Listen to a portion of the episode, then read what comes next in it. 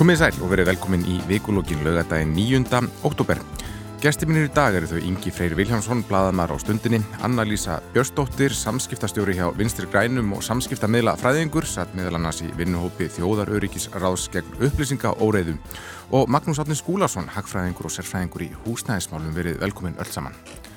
Uh, Anna-Lísa, þú ert samskiptastjóri hjá VFG, það hefur verið nóga samskiptum í gangi á ykkur í aðranda kostninga, hefur verið fengið að kvíla lúin bein Já, eftir að það laug. Já, þess að senustu tvær viku núna hafa verið ansið ansi rólegar og, og góðar. Já, og þú hérna... bara bí, býðu þú bara átækta eins og við hinn eftir úslitum. Það má segja það, Já. það má segja það. Þetta er bara búið að vera að hjálpa börnunum með heimanámið og, og koma, koma þóttinum í lag. Já, það hefur verið svona stóru verkefnin. Akkurat. Ingi, þú ert, já, þú hefur lengi búið í Svítjóð, varst þannig að stunda fjárvinnu langt og undan okkur, okkur hinnum, en nýfluttur heim ekki satt. Jú, ég flutti heim í lók júni eftir 8 ári í Stokkólmi. Já. Og ég vann bara á milli landa sem bladamæður alla hann tíma. Mm. Og Föðurlandið tekið vel á mótið þér eftir? Já, mjög vel, Já. mjög vel. Einmitt. Magnús, þú ert takkfræðingur og sérfræðingur í húsnæðismálum og þar hefur nú verið mörg hvort að líta, missir í. Já, það er, það er búið að vera mikið, mikið, mikið, já, það er svona margt sem er kannski fyrirsjámanlegt, það er svona, við byrjum að skoða þetta síðastlegu voru að kannski upplýsið er í fyrsta skiptið að beina fjármálaráðundsins, þannig að það er miklar áhengið þessu síðastlegu vor. Já að þessar hækkanir væri að dynja yfir því þar voru búin að dynja yfir í öllum ósýttiríkjónum mm -hmm. Og það er margar ástæði fyrir því sem við getum farið yfir og eftir. Já, við skulum koma aðeins á því setna þetta. Þetta er svona íslenska trendið eins og með allar svona bylgjur, það koma svona einu, tveimur árum setna hingað, hingað, hingað heim. En mér langar að byrja á máli sem er í sjálfur sér risavaksi, en hefur kannski ekki fengið aðtekli í samræmi við það. Uh, í byrjum vikunar þá steg fram fyrirvendir starfsmæði Facebook, Francis Haugen og greindi frá því fyrir þingnemt í bandaríkjunum að yfirmenn Facebook sem á líka Messenger og Instagram og Whatsapp höfðu hunsað rannsóknir sem sína algoritmar samskiptameðilsins þeir halda beilinins upplýsinga óraðu og jafnvel haturs áraðuri að, að fólki og það á kostnað áraðanlega upplýsinga og þetta bara gerist vegna þess að svona efni, þetta tryggir meiri virkni notenda og, og meiri virkni því bara meiri peningar analýsa. Þetta eru, þetta er business lágandi þessi, þessi vittnesbyrjur hákan. Já, virkilega og fyrir þennan vittnesbörð uh, var hún búin að, sérst, hún hættir í mæ mm -hmm. 2021 en fyrir þann tíma var hún búin að vera sérst, sapna saman uh, innan húsgögnum, þessum rannsóknum og á, þetta er svona fimm, rauninni fimm svið sem hún er að sapna saman, er svona, er svona fimm megin partar sem, a, sem að koma fram í þessum gögnum. Fyrsti parturinn er að, að hérna að eh, Facebook er að gera rannsóknir á sko, tilfinningum og, og upplifunum og líkamsmynd mm -hmm. ungmanna í gegnum ja. Instagram og einn af hverjum þremur unglingstúlkum hefur, eh, finnast þetta að vera með neikvað áhrif, þetta Já. gefur þeim neikvað áhrif. Já, bara ungmenni fara þarna og þeim líður illa eftir að hafa verið á Instagram. Já, og þetta ítur undir eh, ádraskanir, þetta ítur undir sjálfsmórshugsanir og, og svona og þetta vita þau. Á sama tíma eru þau að búa til plan um neytendur framtíðarinnar, hvernig náðu inn ungu fólki, ungum börnum um leiðuðu vera 13, uh, hvernig geta þau kannski unnið í því að minka þetta aldurspil niður þannig að það sé engin svona aldurs uh, um, uh, þröskuldur sem þetta fara yfir.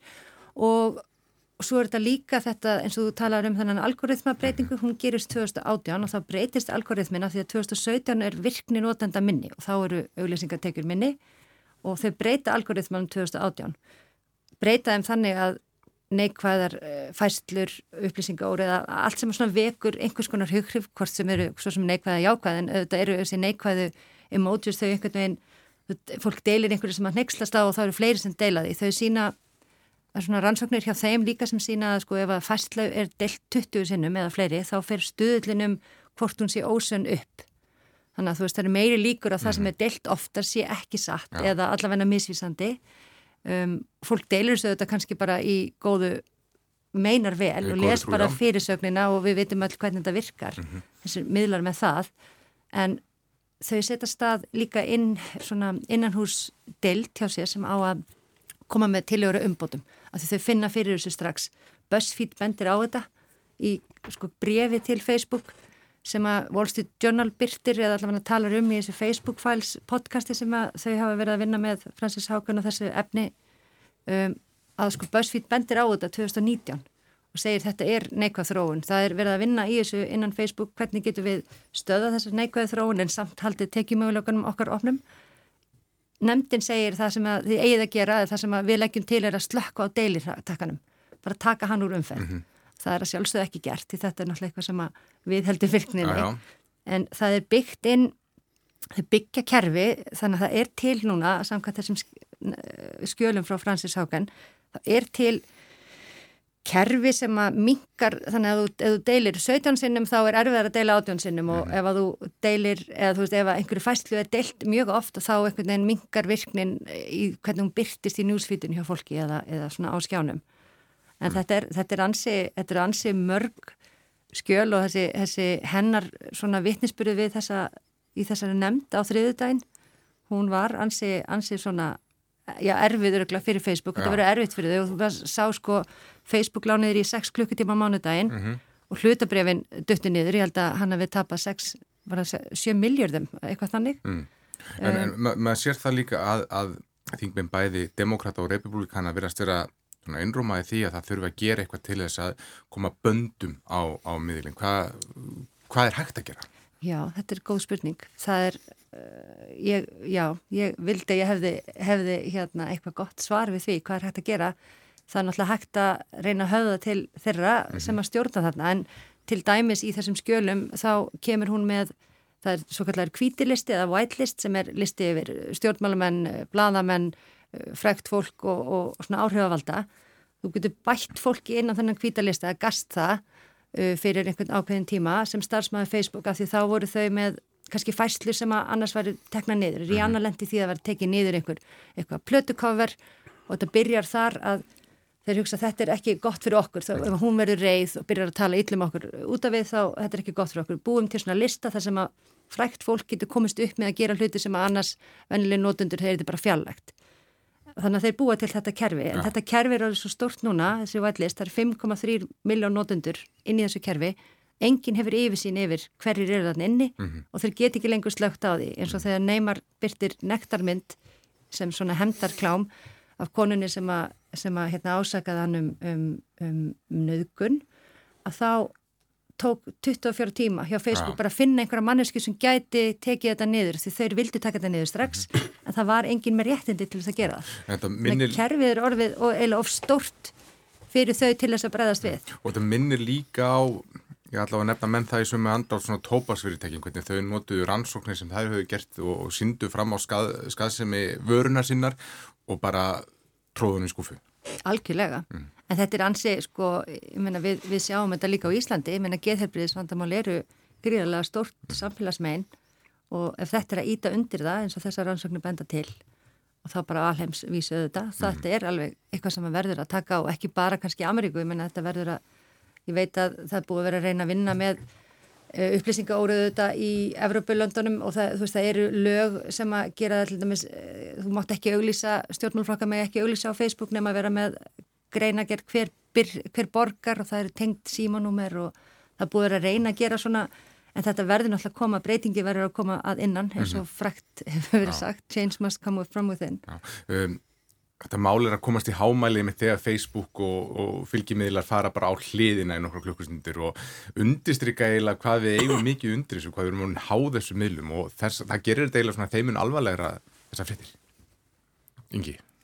Já, alg, algjörlega, ég meina, maður fann bara fyrir því sjálfur bara, þú veist, þegar Facebook hérna fór, hérna, maður gæti ekki lengur nota Messenger, var þetta ekki á mándagina, hérna orða það, að bara, já, hvað maður er óbúslega háður sko, eins og sérstaklega messenger, hvað mig var það sko. Þá er maður einhvern veginn alltaf bara hérna, maður veit ekki hvað maður á að gera mm -hmm. þú veist, dettum maður kontakti þá sem maður er kannski stöðum kontakt við, þú veist, allan daginn. Og hérna, já, þannig að þetta var svona maður virkilega, maður fann fyrir þessu. Mm, en, hvað, en hvað segir um, já, þessi tíðindi bara að, að stjórnendur séu að bara hilma svona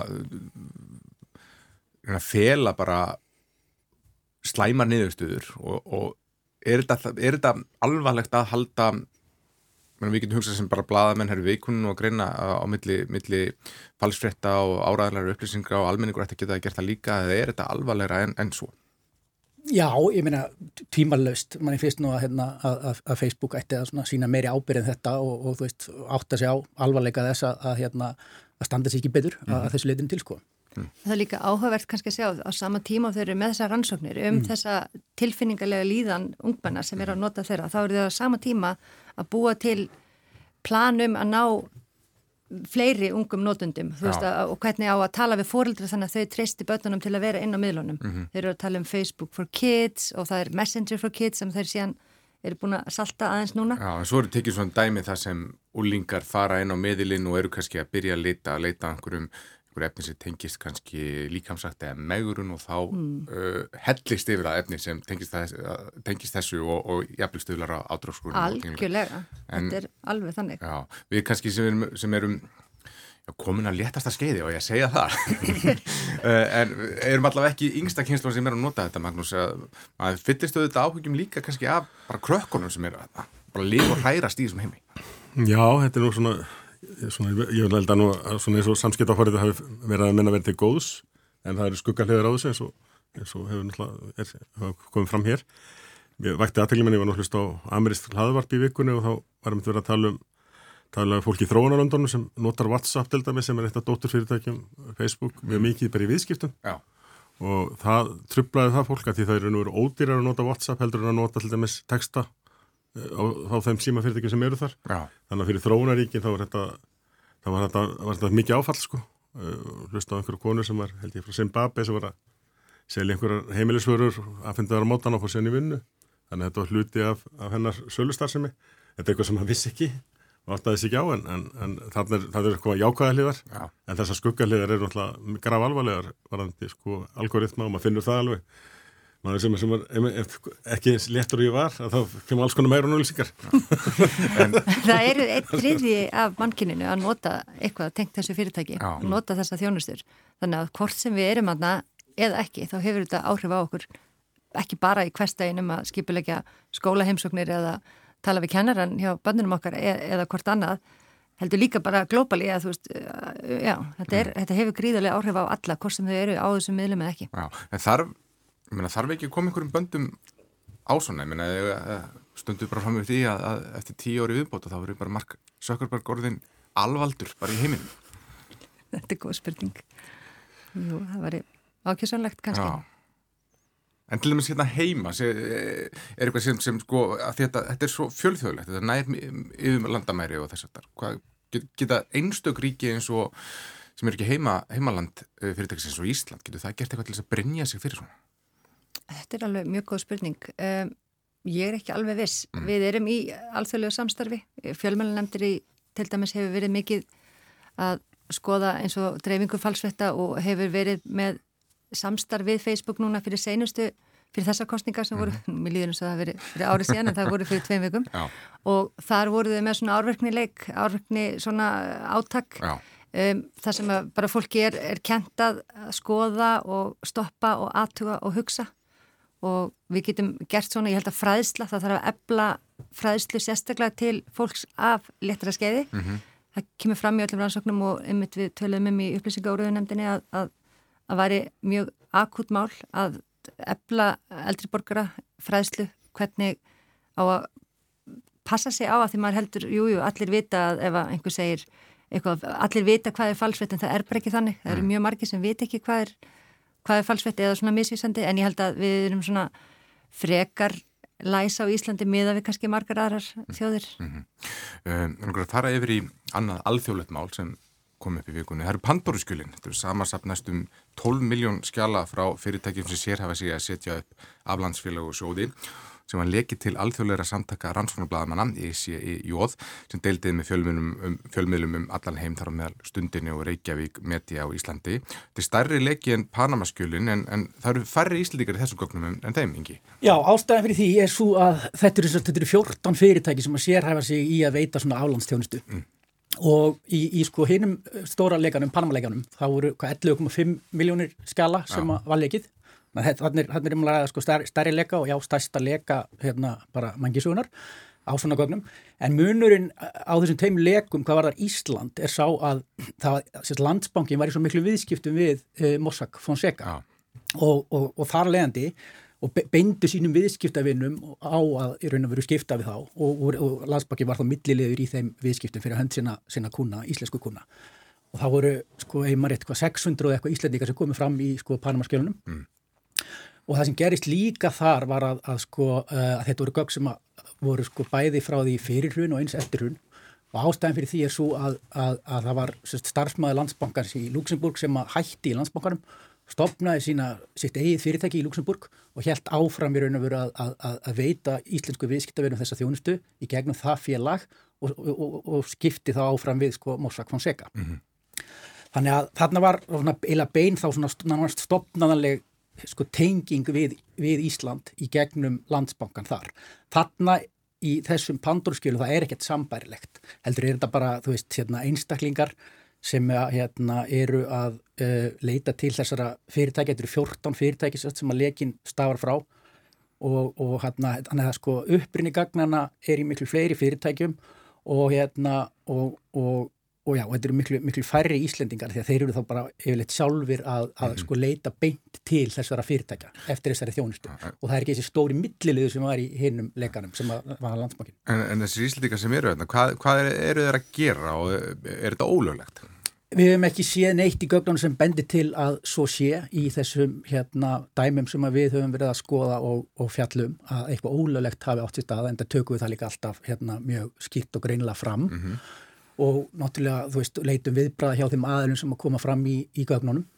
Þannig að við hefum ekki fundið dæmu um neitt slíkt og þetta er þetta náttúrulega, þú veist, þetta er náttúrulega, sko hvað var það Ísland, þá náttúrulega þetta hefur sjálfsög ekki vakið samskonar hérna aðtegli og Panamaskjölinn gerði á sín tíma því að þar voru náttúrulega íslenski stjórnmálamenn sem komið fram í, í þeim gögnum. Maður heyrði nánast sko vombriði á stunu hjá sumum þegar við fréttið að það er ekki stjórnmálamenn í þessu. Jú, klár, klár einmitt, já, já, já, einmitt, einmitt, en, en sko hérna, jú, jú, einmitt, maður, maður heyrði það svo sem og, og hérna einhverjir, einhverjir eru fyrir vonbreyðu með já, já. það sem að kemur fram í raun og í gögnunum en þú veist, þetta er bara það sem er í gögnunum og við náttúrulega bara segjum, segjum frá því eins vel og við getum en, en hérna, en það er náttúrulega, þú veist það er ekki eins þekktir aðilar voru í Panamaskjölunum, það er ekki eins margir aðilar og svo er það líka þannig erum að ræða í raun og veru marga aðil sem hafa komið fram áður í sambærilegum leikum, já. þú veist og bara einstaklingar sem hafa nota svona allanstjónustu lengi mm. til að mynda þarna eitt eh, félag sem að Æslandi er hefur átt hérna hluti sem heitir Æslís sem er svona fyrirtæki sem að, sem að hérna leir, leir hérna flugvilar mm -hmm.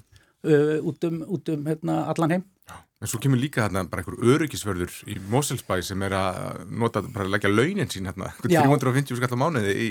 Ymmitt, á einhverjum ástæðan, já það eru svona litlar svona kúriósur um í raun og er algjörlega óþekta einstaklinga sem mm. við erum náttúrulega ekkert að nafngreina eða kannski fjalla sérstaklega um í smáadröðum að það hefur kannski engan svona það hefur ekki enga svona stóra þýðingu og er fyrst og fremst kannski svona kurjósa mm -hmm. og sínir sko svona uh, hvernig sumir kjósa að nota svona félag og þannig er einhver bara einhver og algjörlega óþektur bara hérna launamaður í Móslisbænum sem ákveður að stopna aflandsfélag og tortólu til að hérna til að hérna sem að, sem að teku við veist 350 krónar launagreifslum hans á mánuði. Mm -hmm hann velur að gera þetta af einhverjum ástæðum og þú veist það kemur eftir um í gögnum okkur að hann gerir þetta. Mm. en, hérna, en, en það eru svona lítil, litlar kúriósir og, og fleiri sambarlega dæmi um, um íslendinga sem eru hérna eiga kannski, já, eiga íslensk félög sem eru svo í eigu aflandsfélaga mm -hmm. en þú veist sem eru kannski ekki, ekki, ekki mjög tekju mikil eða velta miklu fjármunum mm. Uh, ég mann dreinu félag að þetta er einhver, einhver, einhver, einhver einstaklingur sem á eitthvað félag í, í Belís sem á svo Íslandst félag og þú veist það er að skila nokkura miljónum krona hagnaði á ári þannig að það eru líka svona dæmar sem við fjöldum ekki um og, og, og það sem við nafngreinum ekki hérna viðkomandi einstaklinga og svo framveg sko. uh, Magnús, þessi gögn sína kannski fyrst og fremst enn og aftur hversu viðtækt og þétt net aflandsfélaga er um allan heim og, og það, það sé ekki endilega ólöglegt sko. Uh, menn eru ekki endilega að brjóta lög uh, þótti að þeir séu að reyna að koma sér undan því að borga skatta með þessum hætti. Nei, þetta er mörg flókið mál og skattasniðganga er náttúrulega stór álvöld mál fyrir samfélagið í heilsinni og það er bara sorglegt að, að það skulle vera nýtt með þessum hætti en það er kannski aðra ástæði fyrir því að, að menn nota slík félög geta verið til dæmis til þess að komast inn í ákveði lagangverði, brest mm -hmm. lagangverði til dæmis. Uh, ég held til dæmis að hérna við hrunið þá hafa menn ekki verið sérstaklega hrifnið af því að stopna íslensk félag og eiga við íslensk réttakerfi ég held að það sé ekki sérstaklega vinsalt að vera með allfjölu félag á Íslandi. Mm þannig að þú ert að fjárfesta í þróunaríkjum sem vorum að tala um á WhatsApp að þá kannski viltu vera í, í því umhverju það sem er bresk lagahefð og þú getur drygt eignarétt og þess þar en, en svona, og það er það meira svona, maður segja svona ástæður sem eru svona meira legit heldur en kannski, þú veist, fólk sem er að reyna svindlunda skatti, það er svona það er kannski hinliðin á þessu. Mm -hmm. Það er einmitt, einmitt eins og Magnús Afni nefnir hérna, þá er til dæmis það er eitt dæmi hérna um, um það er íslenski fjárfestar sem að kaupa sig inn í brest fastegnafélag og þeir kaupa sig inn í félagi þá, þá átti þetta breska félag, tortólifélag sem að var svo nota til að stunda fastegnaviðskipti í Dubai. Mm -hmm. þannig að veist, þeir stopna ekki tortólafélagið heldur kaupa inn í brestfélag sem að á tortólafélag mm. og svo sest eittir að í stjórn sko tortólafélagsins og þú veist, svo er það nota til að stunda viðskipti í Dubai. Þannig að veist, það eru líka svona veist, tilfelli mm. þar sem að menn er ekki sjálfur að stopna þú veist þessi félög heldur, þú veist, kaupa sér inn í félög sem svo eiga tortalafélög þannig að það er alls konar hliðar á þessu sko. Já, þú kannski að fjárfæsta í landi það sem er sko við erum neðalega á lista Transparency International til dæmis, svarandi sko bara síðferði og ethics og einhvern annað og ótrúð slagum einhverju geta þetta ákvarðanir, þannig að það, það getur ymsar ástæður en, en, en er svona, þannig að það er svona tvær hliðar á þessu máli en, en hinn skuggaliðin er ekki góð sko. Nei, en það var, um, var umræðið kring eftir, eftir Panamaskjölina þetta væri nú notaða mörgum bara til þess að einfallega þurfi ekki að borga skatta í heimalandi sínu og um, já, hefur eitthvað gerst eftir það við analýsa, það ekki út til þess? Gerst fyrir ekki? Ég bara í þeim, þeim málum hafa, segja, ríki heimsins hafa þau eitthvað gert til þess að yngið þú kannski kannad þetta betur. Að... Kannski eins og þessi láskjata, þessi láskjata, hérna, láskjatalönd í Európu sem að er að reyna að samþykja núna alþjóðlegan fyrirtækjaskatt að, að hækka upp í 15%. Mm -hmm. Kannski það, það hefur, OECD hefur verið að tala um þetta, það hefur verið aðeins verið að reyna að stemma stegu við að, að hérna, að svona hækka upp aðeins öllítið þröskuldin hjá þessum láskjatalöndum en yngi veit kannski meira um svona alþjóðlega samhengið. Nei, ég, ég minna að það sem maður sá sko, það sem maður sko, gerist náttúrulega eftir Panamaskjölinn var það sko, að skatteauðvild á Íslandi fengu þessi gögn mm. og, og unnu verulega mikið hérna, með þau og hafa í raun og veru farið í höfða mál á hendur aðilum sem að koma fram í sko, Panamaskjölunum. Þannig að sko, leikin á Panamaskjölunum leiti til já, verulegar afleðingar sko svona formlega og stopnarnalega á Íslandi líka, það verður ekki bara svo pólitísku afleðingar sem við sáum sín tíma, heldur hefur skatturinn virkilega bara nýtt þessi gögg til að fara á eftir ákveðnum einstaklingum og hérna ákveðnum aðelum og, og, og sko er raun og veru viðskipta gerningu sem kom fram í þessum, í þessum gjölum sko, mm. þannig að þú veist afleðingarnar eru verulegar af þeim, af þeim leika. Mm.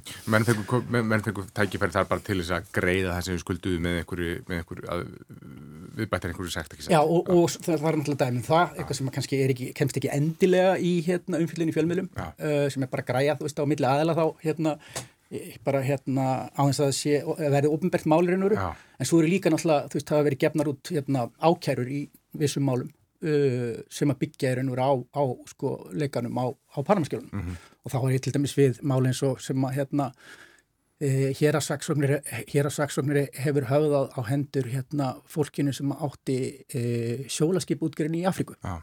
Um, þið voru að fjallum þetta í stundinni sem kom út í gær. Hva, mm. Hvað er framhaldið? Er, er haldið áfram að vinna úr þessum?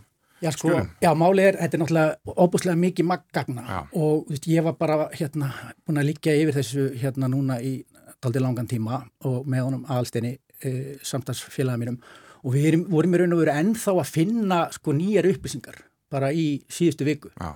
í gögnunum að því að þú veist, þetta er það mikið magn og þú veist, þú getur leitað í gögnunum, þú veist, bara með því að skrifa inn leitaról og svona, þannig að það voru, þú veist, í raun og veru fram á síðustu stundu að koma fram nýjar og nýjar upplýsingar, mm -hmm. þannig að þú veist við munum sjálfsögðu halda áfram og skoða gagnagurinn og aðtóa hvort það sé eitthvað meira að finna þarna mm. og þá eftir aðtökum fjallum það sko. Mm -hmm. Ef þið voru að koma viðtækjunum þá verður það að hlusta á vikulókin, gæsti mínir eru Annalisa Björnsdóttir, Yngvi Freyr Viljámsson og Magnús Átni Skúlason uh, Magnús Átni Sæðlabankin, hann hækkaði stýrivexti í vikunni 0,25%, þeir eru núna orðið 1,5% og verðbolga hefur að hækka á það skýrist að sögn Áskils Jónssonar Sæðlabankastjóra engum af hækkunum á fastegnamarkaði. Það er mikil spenna þar? Já, það er mikil spenna á fastegnamarkaði og kannski má, kannski að segja Sæðlabankin áður að greip til mikil að vextækjana var búin að grípa til svo kallar þjóðasvaru að tækja og það er fyrst og fremst að lækka landslutvall í bóðlána og svo önnulegð er, er það að, að setja, setja skiliði varandi greiðslibriði út af standi lána mm -hmm. og svo þriðalegin væri náttúrulega er, er að auka sveifljöfnaraukan sem kemur, kemur til gildi eftir 12 mánuði þannig að Sælabakkinn var búin að grípa til rástafn og svo maður segja í raun og veru síðasta hálfstafið var að hækka vexti Já. og til að stemmast í hugu við þessari miklu eftirspurt sem hefur verið á, á íbúðamarkaði. E, það er hins vegar, hefur verið ákveðin frambóðsvandi og, og, og, og sérst okkar, okkur var falið af fjármálráðundun að, að skoða það síðislega vor, mm -hmm. skísla sem hefur ekki verið gett ofinberð af því að þeir höfðu miklar áhyggjur af því að það væri líka misramæmi í, í gögnum um frambóð mm -hmm. og það kemur í ljós að, að, að það að sveitarfjölög og ég átti mjög gótt, mjög gótt samstarfi byggingafylgtur á sveitarfjöla en stundum áttamenns ekki á því að, að íbúðamarkaðurinn og fastegnamarkaðurinn er, er grunnforsend oft, oft fjármálakreppa.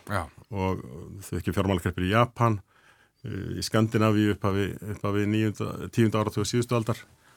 Og sem eru, eru raun og þessum er fasteignamarkaðurinn gríðalega mikilvægur þegar kemur að sko, þjóðasvarðaðutækjum og uh, það má kannski segja sem svo að, að þessi miklu eftirspurn hafi komið á óvart. Það var mikið af fullgerðum íbúðum árið 2020 en þetta er fortíðavandi frá því um hrun að mm -hmm. Þá, kom, þá byggðum við mjög lítið. Ég held ég hef komið hingað í út á svittal kringum 2014-15 og sagði nú þurfum við að fara að byggja. Já. en það var ekki gert. E, hverju um að kenna? Menn, menn benda á sveitarfjölu sem ég held að sé nú ekki alveg rétt að kenna þeim alveg um, um þetta en, en það er samspil frambóðs á íbúðumarkaði fjallar náttúrulega bæðum lóðir um fjármögnun íbúðana, þessars bankakerfi og svo náttúrulega er, er sko afkast að geta byggingarina mm -hmm. en það sem kom okkur óvart var þetta missamæmi í, í, upplýsingakjöf um hvað væri mikið í byggingu Já. og samtöku einarins hafa talið uh, með miklu móð uh, hérna, íbúður í byggingu Við gerðum þetta reyndar á sín tíma fyrir Íslandsbanka fyrir okkur mánu síðan og, og það munaði ekki miklu okkar þallingu þeirra og þannig að ég treysti þeirra tölum ágætlega en svo kemur að skráningu þjóðskrár og þú ringir þá og spyrir hvað mikið í byggingu þá, þá, er, þá passar þær tölur ekki við það sem er raunverulegt mm.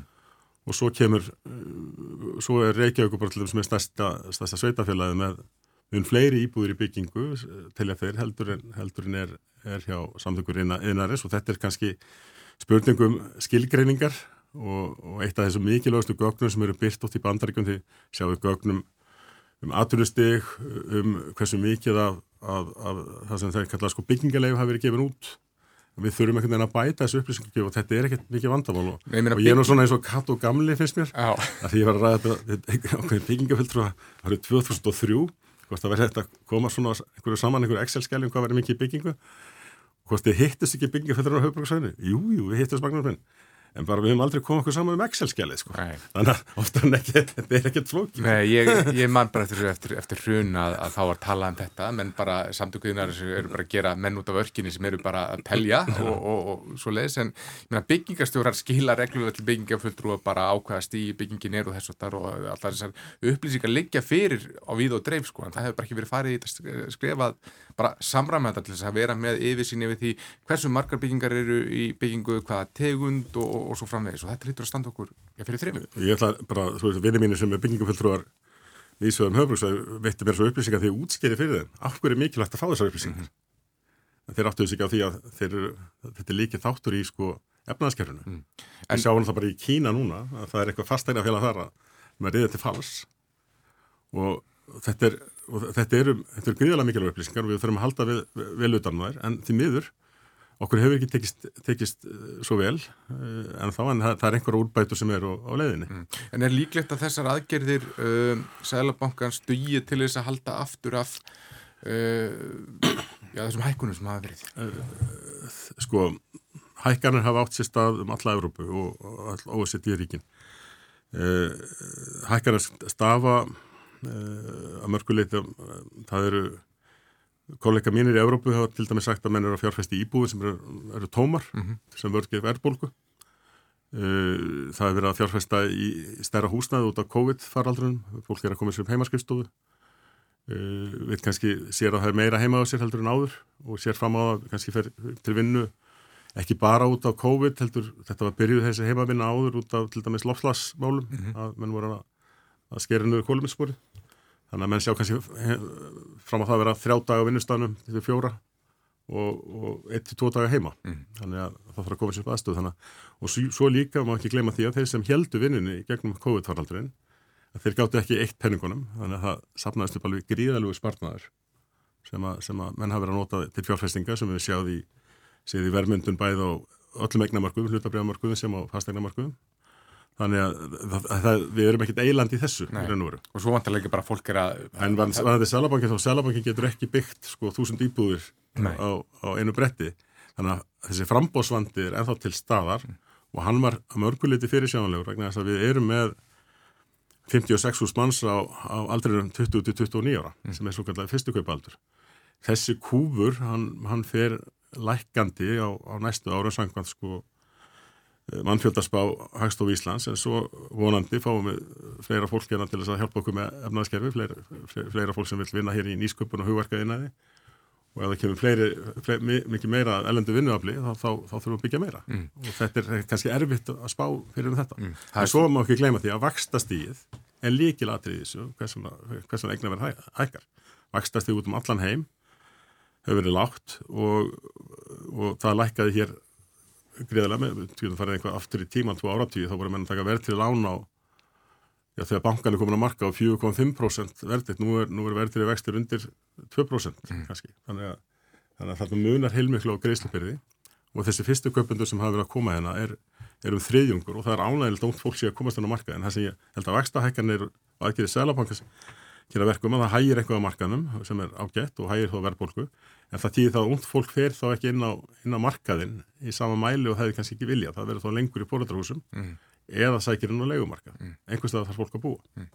um, Það hefur það, það, það er ímsa skýringar á því hverju, hverju orsakættir eru sko og oft er þetta verið að tala um þetta tétting byggðar og tíunlíkt yngi, þú, þú kemur frá Stokkólmi, hvernig hefur umræðan þar verið samanbóri hér, er sama ástand þar og, og, og í Reykjavík? Það hafa náttúrulega ekki verið eins rosalega mik miklar hækkanir á húsnæðismarkaði í Stokkólmi og hefur sko hér síðastlinn ár. Mm. Uh, hins vegar eins og í Svíþjóð þá sko náttúrulega COVID uh, leiti af sér þá þróin að, að hérna, íbúða verð hækkaði og, og sko en sérstaklega hækkaði verð á, á einbilsúsum. Mm. Það alveg raug upp út af sko í kjölfarið á COVID að því að þú veist fólk vildi þá veist, stækka við sig, er að, að vinna meira heima og svo framvegs þannig að hérna og, og sama með stórar íbúðir hérna, þú veist, þær hækkuði líka verið lífverði og hérna uh, út af COVID í, í Stokkólmi sko.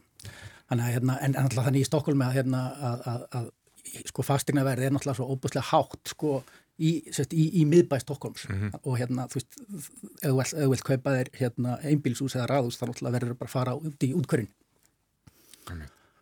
Eitt af því sem sko vakstahækkanir, maður áður fyrr, allir vorum verðtrið lán og þess að þá, þá hefði fólk aðalega á að gera verðbólgum, hækkar höfustöldin en vakstahækkanir núna, það eru svo margir komni með óverðtrið uh, lán á breytilunum vöxtum og þá fer svona vakstahækkun, hún fer bara byndin á, á, á heimabankan um, Er þetta aðeins í hefur verið að lýsa ágjum af, af, af þessu, hvernig til dæmis að, að, að þetta komið til með að hitta þá fyrir sem sko stand, standa veikast. Hefur þú áhugjur þessum, Annalisa? Já, algjörlega. Ég menn, þetta er réttur einstaklings að eiga örugt húsnæði og við sjáum bara miklar breytingar í rauninni á, ef fólk er að sjá miklar breytingar á, á ráðstofunatekjum sínum þá er þetta mikið áhugjufni og það þarf að einhvern veginn taka, taka höndum um þetta samanlega en minna eins og Magnús Vatni kom inn árið sveitafjölegin þau eru svo misjöfn Reykjavík hefur verið með upplugt félagskerfi mhm. fyrir, fyrir, en, en hinn sveitafélaginu og höfbúrstæðinu hafa ekki verið eins einhvern veginn duglega að byggja það upp uh, og svo sjáum við svona nimbísma í eins og smáhúsin í, í laugadal og annað það er, það er, þetta er grífilega, grífilega svona fjölbreytur uh, markaður og þetta er bara rosalega mikilvægt að taka vel utanum þetta og, og ég held að bara grunnrannsóknir eru mikilvægur á öllum sviðum og hérna líka að hafa tölunar á hreinu og vera með svona einhvers konar yfirsýn yfir um, vandamálið, mm. landlegt er bara gríðarlega mikilvægt. Um, man, Þetta hljómar svolítið eins og svona svo löst sem þurfa að koma inn að það þurfi bara einmitt að spýti lofana byggja hraðar og, og þess að það er það hægt, ég meina við eigum bara nóg af yðnaðamunum til þess að gera þetta Nei, það er kannski, sko, varandi vakstatækið, þá, þá er það jákvæmt að, að því leiti, þó sé neikvæmt fyrir almenning, að, að miðlum peningastöfnar virkar mun betur núna heldur en áður vegna þess að fólk finnur þetta strax í byttunni sinni. Mm -hmm. Þegar allir voru með verðtilán og fundur ekki fyrir þessu og þá og til skamstíma þá bara jó, jógst verðbólgan og vonandi textælabankanum að, að halda, að því verðbólgan er vestu ofur okkur allra mm -hmm. vonandi text okkur að halda aftur að, að, að verða eitthvað minnalans og það, því að ef neysluverur eru stabilir verið þá kemur það hennum lagslöfnið best, best þó að þau finnir núna á byttunni að að vaksta hækkarnar býta og þetta er til þess að dragur eftirspurn. Hinn hliðin á, á þessu máli er það að verktakar þau eru líka að sækja sér fjármagn mm -hmm. og þá er það orðið herri kostnæður í þeim, ekki einungis bara eh, vakstakostnæður þeirra heldur líka mun eru laun að hækka mjög mikið í næstu áramót og allur kostnæður verktakarbransan sem náttúrulega fyrir hækkandi og þá er spurning hvaða hvata þeir hafa til þess að byggja. Og þetta er náttúrulega mikil áhætta að, að byggja íbjörústæði, veist ekkert hvort það selst, þá hefur gengið vel núna. Mm -hmm en, en, en, en þannig að þessar, þessar vakstaækjar eru, eru líka svona tvíbensverð og það sem er líka smáahaugjur af er, er það mörg fyrirtæki með veikburða eftir COVID-faraldari, sérstaklega ferðarþjónustu og þau get ekki borðið mikinn vakstakostnaði viðbútt til þess að komast í, í, í gegnum þennan skulda skuldahala sem þau hafa byggt upp á, á undanfjörnum næstu tveimur árum. Mm. Þannig að það er svona En vonandi duga þessar aðgerið selabankastíl, eins og ég sagði, þeir, þeir grípu fyrst að mikilvæg skynsemi til þjóðasvarðu að tækja áður en beittu vexta tækjunu að, að miklu móð. Mm. En átt, áttu vona á það haldi áfram munu stýrivextir hækka áfram? Við erum alltaf með verðbólguhorfur í heiminum er ekki, er ekki svona, að held þetta að væri svona skamtímamál að aðfanga kæður þar mm -hmm. bröðustýrir úr, við sjáum fréttur um skipaflutninga og tafir á afhendingu og vörum, með þess að innlend fyrirtæki finna þessu, þú veist að bara fá lamir á skápa fyrir innlenda, innlenda framleiðundar af innréttingum. Allt þetta hefur tafist og verð hefur hækkað. Verð á, á, á, á skipum til leigu hefur hækkað gríðala við sjáum að ég vil að fyrirtæki eins og IKEA og fleiri byrja að leiða sin eigin skip til þess að koma vörunni sinni í hús. Þannig að, að, að, svona þessar verðbólguhorfur eru, eru daldið svona ískikilegar, oljuverð sem er móður verðbólgunar, þóttu við séum að tala um orkuskipti að það hefur, hefur, hefur orkuverð farið mjög hækkandi og í Evrópu sáum að gasverð hefur farið hækkandi þannig að fólki verið kallt í veitur þannig að er, er, er, það er ímsar svona eh, svona vonað þessar þess, þess, þessar blikur lofti rætist ekki úr þeim, það er bara skamtíma eh, verðbólgu skot mm. en, en ef verðbólgan heldur áfram þá er það stýritæki Sælabankans og Sælabankin hefur það hlutverk fyrst og fremst mm. að halda verðbólgu skefin. Mm. En svo þú nefnir að það eru ímsar ásakja fyrir, fyrir þessu sæðlabankustjóri hefur verið gaggrinnin á stjættingastefnu Reykjavíkuborgar. Þú talar um það að það, hún sé að keira verðið áfram. Er það, er það einföldun? Eh, ég veit hann ekki sæðlabankustjóri hefur nú mikið vitað þessum uh, íbúðamálum svona, þannig að ég það er svona kannski má begja blands má segja en, en, en, en auðvitað er nöðsilegt að skipulag borgarinnar náttúrulega hefur, eh, já, svonst, við höfum, ég held ég einhvern veginn reiknaði út sko að ef við höfum sama þétting og kauparöf sko þá, þá væri höfuborgsvæði í Kúbói mm.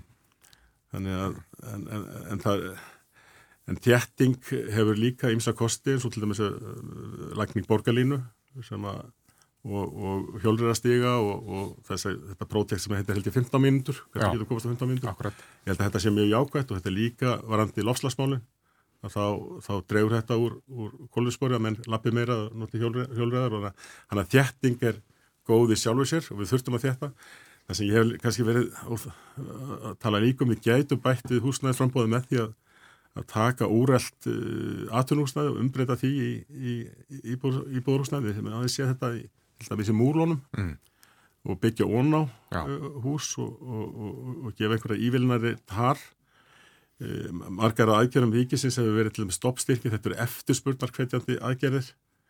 E, ríki getur líka beitt frambóðskveitjandi aðgerðir, ríkið á land og ég veit ekki, alltaf, sko, stóri fýllir í stofun er alltaf þessi flugvallar sem er í sem er í, sem ég var í alveg að hugsa það. Eins og, eins og, eins og ég hef nú ekkert sagt sko að maður sko að ég það er svolítið að hafa hann að flugvöld þegar maður er að fara út á land en, ef flugvöldur verður á samastæðu kaupar frá, í fjalla frá Alþingishúsi þá verður hann á ráðustorkinu. Já.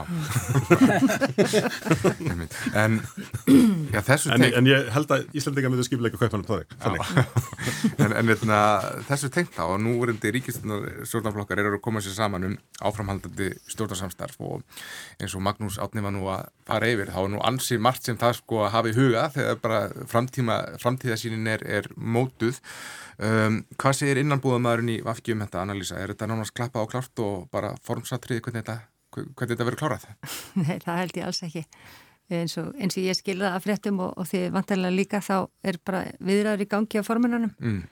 og ekki byrjað að búa til sáttmála eða neitt hannig. Nei, en fannst þér þetta blassa algjörlega við að, að, að þetta samstarfmundi halda áfram? Nei, en ég held að uh, kostningarnar voru ansið afgerandi með það. Já hver viljið kjósanda er en nei, alls ekki, þetta mm. var alveg ég held að hver og einn flokkur fara inn á sínum fórsendum mm. Hvað segir þú Ingi, fannst þetta líka bent við að þessi flokkar myndi halda fram að, í, í ríkistofn? Bara algjörlega aldrei, aldrei spurningir unnveru mm. og, og, og ég held að það er náttúrulega bara verið þannig eins og allt bendi til að þau muni halda áfram sínu samstarfi mm. þú veist, þau verðast vera fyrir ekki bara ánæði þessu samstarfi og hérna uh, bara þvert á þessar þrjá flokka. Mm. Og hérna, þannig að ég held að já, þessi stjórnum held áfram. Það heldur að vera eitthvað vesen þá, hvernig áttu vona á að þetta verði útfært, heldur að ráðunautum verði fjölgat til þess að friðþægja menn eða, eða skipta þeir þessu eftir á millisín eða hvað? Já, það getur nú gerst að ráðunautum verði fjölgað náttúrulega svona, minn framsóknarflokkur náttúrulega að fá einhver þingri ráðunauti, mm. þú veist, þeir náttúrulega geta gert alveg mjög rétt, réttmætt tilkall til þess í ljósi hérna e, þessara niðurstana í, í kostningunum, mm. þú veist, að fá e e eitthvað þessu þungur ráðunautum hvort, hvort sem verið fjármálrándið eða helbriðsrándið eða eitthvað slíkt sko. Já, en, en þetta var erfitt fyrir Vafki að fara í þessa ríkistjórn en hún held þessum rándum umhverjusrándi og helbriðsrándi og þetta fórsættisrándinu er, er flokkurinn í góðri stöðu til þess að gefa þau eftir? Já, ég meina, ég held að, ég held að þeir mun ekki fá að halda helbriðsrándinu, mm. þú veist, ég meina Katrín er að manta lág hann fórsættisráð en, en helbriðsrándi fer hann til, til sjallan eða til framsvagnar mm. myndi ég halda og allir haldi ekki umhverjusrándinu mm en ég meina þeir með við niðurstöðuna í kostningunum þá geta þeir ekki gert sko sama tilkall til hérna, þessara þungur ánit að eitthvað gera eftir sjötti kostningar segja sko. Það er kannski bara um, um húsnæðismálin að þannig sínist að séu sex ráðunetti sem fjalla um húsnæðismál í Íslandi Já. Félagsmannráðandi með, með húsnæðis- og mannverkistofnun umhverfisráðandi með skipurastofnun fjármannráðandi með skattin og stuðning við íbóðkaup og sérræðsparna, dósfólkráðandi með, með tinglýsingar samkvöng og sveitastofnarráðandi með skipil og íbúðurbyggingar á þjóðskar á Íslands og svo fórst þess aðeins með selabankan þannig að þú veist það liggur bara það liggur við að það liggur við að við setjum bara húsnæðismálar á þetta Já, eða innviðaráðandi eins, eins og ég held að sé Sigur Ringi, Sigur Ringa er vist mjög áfram um, um, um það. Ég held að það sé, getur verið mjög því við erum bara á þeim stað í okkar sko efnaðssögu að við þurfum að byggja upp mikla innvið og mikla samgöngu innviði til bara til, til, til hagspóta fyrir framtíða kynslaður þannig að ég held að það sé ímislegt sem að mæli með því. Mm. Það kom óvænt útspill í morgun uh, þá tilkynnt að Birgir Þóraðinsson þingmaður miðflokksins, hann hefði bara ákveðið að tveimur vikum hættu kostningar að ganga til leysi sjálfstæðisflokkin og segir að þetta hefði máttur ekki til klausturmálsins fyrir, fyrir hvað, tvei, tvei, tveimur árum og ja, fór í eitt frambóði í middeltíðinni og, og skipti svona flokk og tók með þess að varaformannin með sér Nei, ekki varaformannin, en hérna, varamannin sín með sér, Erna Bergdóttur, uh, varaþingmann uh, miðflóksis í Suðurkjörtami. Þetta er nú eiginlega með ólíkindum, bara eiginlega einstæmi að þetta hefði gerst svona analýsa. Já, eh, Stefan Pálsson bendi samt á að Ingebjörg Bjarnandóttir hafi, hafi stundat þetta fyrir hundra árum síðan, já. eða eitthvað svona. Já. En já, þetta er, þetta er ansi, ansi svona spes. Sko, undarfarnar eh, kostningar þá hefur lausafylgi aukist. Fólk er að flakka mellir flokka hvernig það kýs, kannski bara komið að því að þingmenn, að lausa fylgi á þingmennum aukist, ég veit ekki.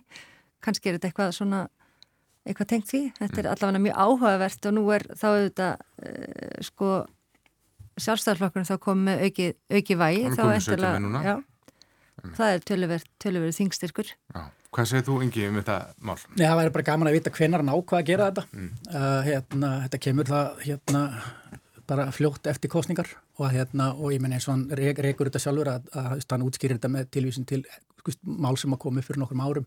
Þannig að þetta lítur að vera eitthvað sem hann ákvað fyrir þó nokkur síðan sko. Þannig að hérna, ég get ekki ímynda mér að Sigmundur Dæðið Gunnljófsson sé ánægða með þetta sko. Mm. Já, eða kjósundur sem krusu miðflokkin en þetta, þetta, þetta, Magnús, þetta minnum að líka svona á sko að fólk kýs flokka en, en þingmenn geta alltaf hagað sér eins og þessi persónikjörni sko, bara flakka á milli flokka eins og þeim sínist og, og svo framvegis. Það er þeirra stjórnarskar verði réttur fyrir nú veru en, en ég held að þetta þessi tilflynningu náttúrulega kannski styrkir líka bara nú er endur ríkistjórnarsamstarf, ég held að fólk sé að hafa verið að kjósa stöðuleika fólk hafi svona uh, ríkisjóður hefur tekið á sig mikla skuldbindningar út af, út af þessum heimsvaraldri mm. við þurfum að fara, að að greiða niður það skuldir og vonandi án skattahækana og, og, og með þá frekari hægraðingu í, í ríkisakstri og eblingu atvinnlífs mm. þannig að ég held að held að svona, ég held að mér sínist að framsáflokkurinn líklega og flokkur fólksins séu verið þessar kostinga en, en, en, þarna, en ég held að fólk hafi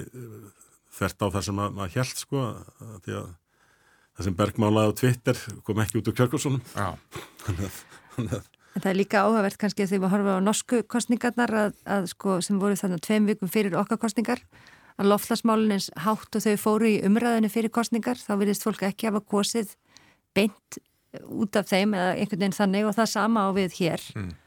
en við verðum auðvitað að hafa loftlasmálun inn í öllu þessu hvort sem að umræða innviði eða húsnæðasmáli eða, eða annað. Þetta hlýtur að vera bara við sjáum það á skuðuföllanum og við sjáum svona, það er einhver hugrinningatengst þar allavegna að það þarf að, það þarf að hafa þau alltaf fremst í öllum. Ég veit ekki hvað maður fór að vitna í Bill Clinton fyrir þetta bandarkjóðasta, it's the economy stupid. Exactly. en, en, en haldið að... Það er, það, er, það er fyrst og fyrst fólk er að hugsa um sinna einn hag. Og, og ég held að fólk sjáu þessar breytingar og við sjáum alveg gríðarlega breytingar á, í, í orkusskiptum eins og sjáum raf, aukning rafbíla og fólk voru miklu meðvitað heldur en var. Mm.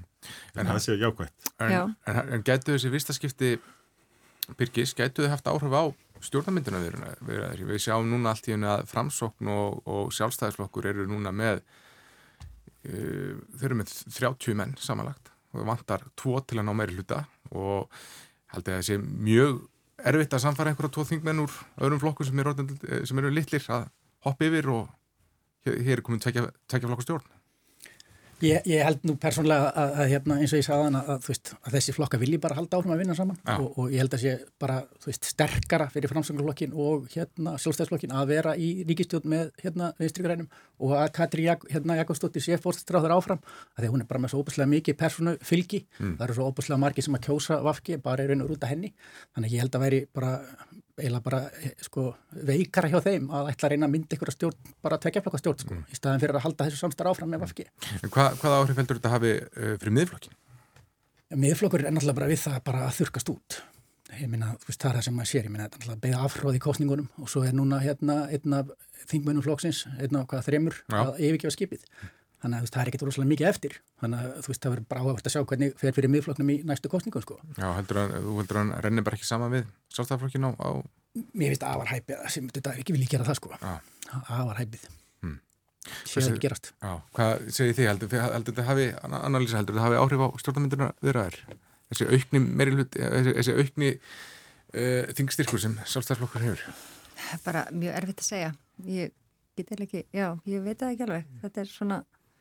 ég ég það er ég held að Nei, ég bara, já, ég bara veit það ekki alveg. Mm. Þetta, er, þetta er hérna svona, þetta er svo nýtt, þetta var að gerast. Já. Þannig að hérna, það getur vel verið.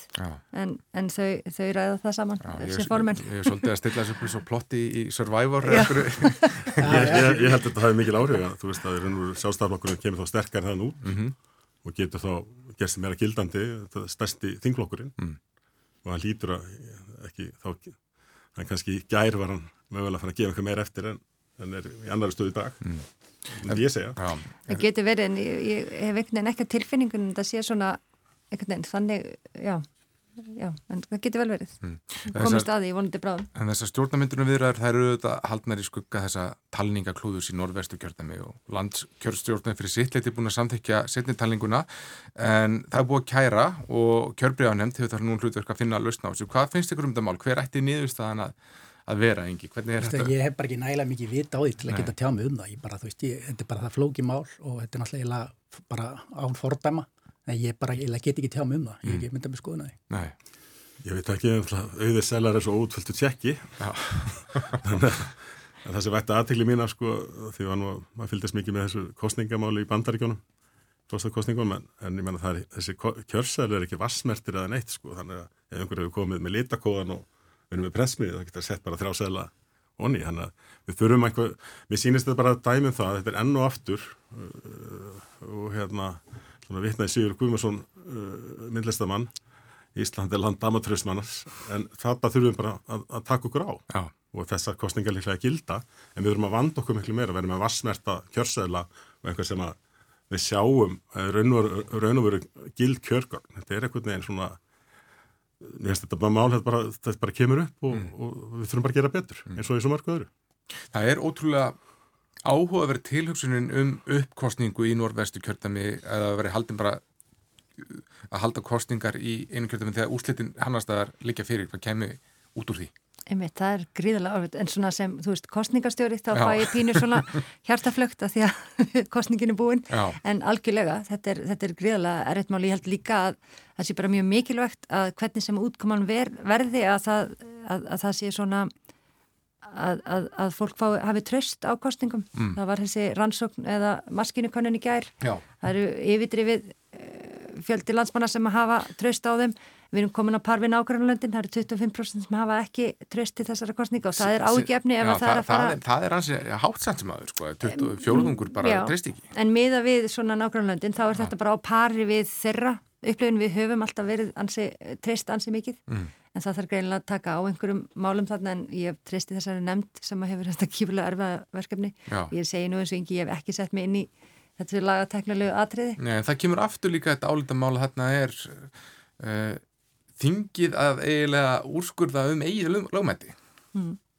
Já, það lítur að vera svona forvendileg svona lagaspíkileg uh, lagaspíkilegt álitamál líka Án ef að mm. meistararítgerður framtíðarinnar mm. muni fjalla um þetta Já. margar Einmitt uh, Ég held að uppkosting kom ekki til greina sko en þess að fólk eða eins og hagfræði fjalluðu sko út með upplýsingar, með meir upplýsingar en annar þóttu með, þá eru þeir í norðvestur með algjörði innherju upplýsingar varandi sko varandi kostningar En, en kostningarlögin verður að skera ráð fyrir þessu sko að þetta ja. sé þá reyndin sko. Ja, En út á jöfnuna þingmannum þá getur þetta allt saman færið á, á, á ferðan þessum kursu til miðflokkin þegar maður tala um hann, þetta er kannski kjósa þá sjálfstæðarflokkin núna mm -hmm. eða, eða framsók Já, ég myndi útspil Birgis náttúrulega kannski geti breytt einhverju þar með hvernig fólk ætlar að kjósa í norðvestur. Þetta, þetta er góða punktur. Þannig að ég held að þetta sé flokki mál og þetta við verðum einhvern veginn að láta þetta bara standa held ég. Ég held að það sé geta slá samt neina valkosti út af borðinu fyrir en að búa að rannsækja þetta mál til hlítar. Ég held að það sé bara allt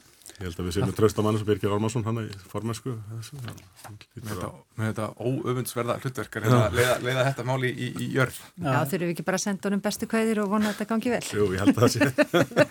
En, en það sem hefur kannski verið já, stó, hérna heima það er þessi skriðuföld sem hafa verið Norður landi og og líka hættu ástand uh, á Östurlandi og segðisverði sem fór mjög illa út úr uh, skriðum í fyrra. Þú komst inn á áðan analýsa og þá veltum maður því fyrir sér, er þetta eitthvað tilfallandi eða er þetta forsmekkurinn að því sem koma skall með í ljósi lofstafsbreytinga? Já, þetta er bara ótrúlega mikilvæg spurning, ég held að við þurfum að efla rannsóknir og bara virkilega uh, skoða þetta mál frá öllum hliðum. Ég hef ekki séð eða heyrt einhvern sérfræðing segja að það sé, að það sé algjörlega bein tengsl millir loftasbreytinga en það sé heldur kannski ekki hægt að segja að það séu engin tengsl. Mm. þannig að þetta er, þetta er svona eitthvað sem þarf að rannsaka og skoða. En gríðarlega erfitt fyrir fólkið sem er að verða fyrir þessu. Mm. og þungbart að þurfa að sitja yfir einhverju svona hættu. Um, og ef þetta fyrir að aukast hérna á landi þá er þetta líka eitthvað sem eins og minna, rannsóknir og innviðum og húsnaði og annað þetta er bara gífilega þungbart Já, þetta er alveg svakalt á að horfa. Uh, Kanski eitt sem ég vildi koma að er að, að sko dýrið, Íslensk kvikmynd já. sem var framleitt af Rönn Kristinsdóttir og Valdemar eh, hérna, leikstöri gerði er að fara núna á 600 breytöldi í Amerika já, já. og ég held að þetta sé frétt sem að hefði mátt vera kannski bara fyrsta frétt allstaðar allavega það dagar sem þetta var komið fram ég veit að þetta er bara ótrúlega flottur árangur og, og, og svona mikilvæg jákvæð kannski eins og tengist þetta með Facebook þetta fær ekki smarga deilingar því að þetta er jákvæðt og gott. Mm. en, Já, hafið þið séð á mynd? Nei, Ég, því miður ekki séðan ég, með, en, en ég tristi mönnum sem hafa sagt mér ég, þannig að Friður Þór Friðursson sagði mér það, kvimdaríkstjóra, þetta var gríðalega góð mynd, hann er mjög ætla og hann er, hann er mjög kritiskur ég ætla að sjá hana og ég ætla að sjá hana á breyðtjaldi, ég ætla að fara í bíó og horfa á hana, að ekki spurning. Allir ætti að drífa sig í bíó. Algjörlega, við þurfum að, að, að koma þessari mynd. En, þetta sýnir kannski bara hvað, þú veist, hvað, hvað list, hvað menningar heimilin á Íslandi er orðin, sko, þetta er bara svo flott fólk sem og Það er í kveikmyndum, leikúsi og, og við, ég fann nú dansflokkinu daginn, það var rosalega flott síning á Rómi og Júliu, þannig, þannig að þetta er hlakkar, til að komast í leikúsið aftur. algjörlega. Já, talandi um það, hvað ætlið að gera um helgina, Anna-Lísa? Já, ég ætla að fara held ég sund með bönnunum og, og bara taka þér rólega. Mm. Ingi, hvernig lítur? ég ætla að vera í sund með börnunum eftir Já. og þarna Með Anna-Lísu? Við hittumst að njóta, já, kannski, já, einmitt, já og svo ætla ég að hjálpa vinið mínum að flytja á morgun Já, það, Það það er- er þannig það er svona eina, eina af svona bölvunum þess að eiga vini, maður er svona Já. að hjálpa maður að flytja. já, já, Já, hann, hann liggur svona fyrir eitthvað, eitthvað að skoða fasteinamarkaðina eftir en, en, en þetta er endalust verkefni. Ertu bara á, er, ertu bara á að, Það er er svona eitthvað verkefni sem við tafið sem við erum að reyna að klára. Mm. Aftunúsnæðismarkaðin og, og svo var náttúrulega kemst maður í bíó og sjá dýrið. Já, og nákvæmlega, allir það ekki verið að daskra hjá okkur öllum. já, það var líka gaman að fara í bíó og sjá 90 mótbyrnina Já, ég já. er til í það, virkilega sko. spenntu að, Við, búin við, að við erum sameilig saman á það. bara hittust í luxussalnum um helgina. Kæra það ekki verið komuna, Ingi Freyr Viljámsson, Magnús Átni Skúlason og Anna-Lísa Björnsdóttir. Hafið það gott um helgina. Takk, takk.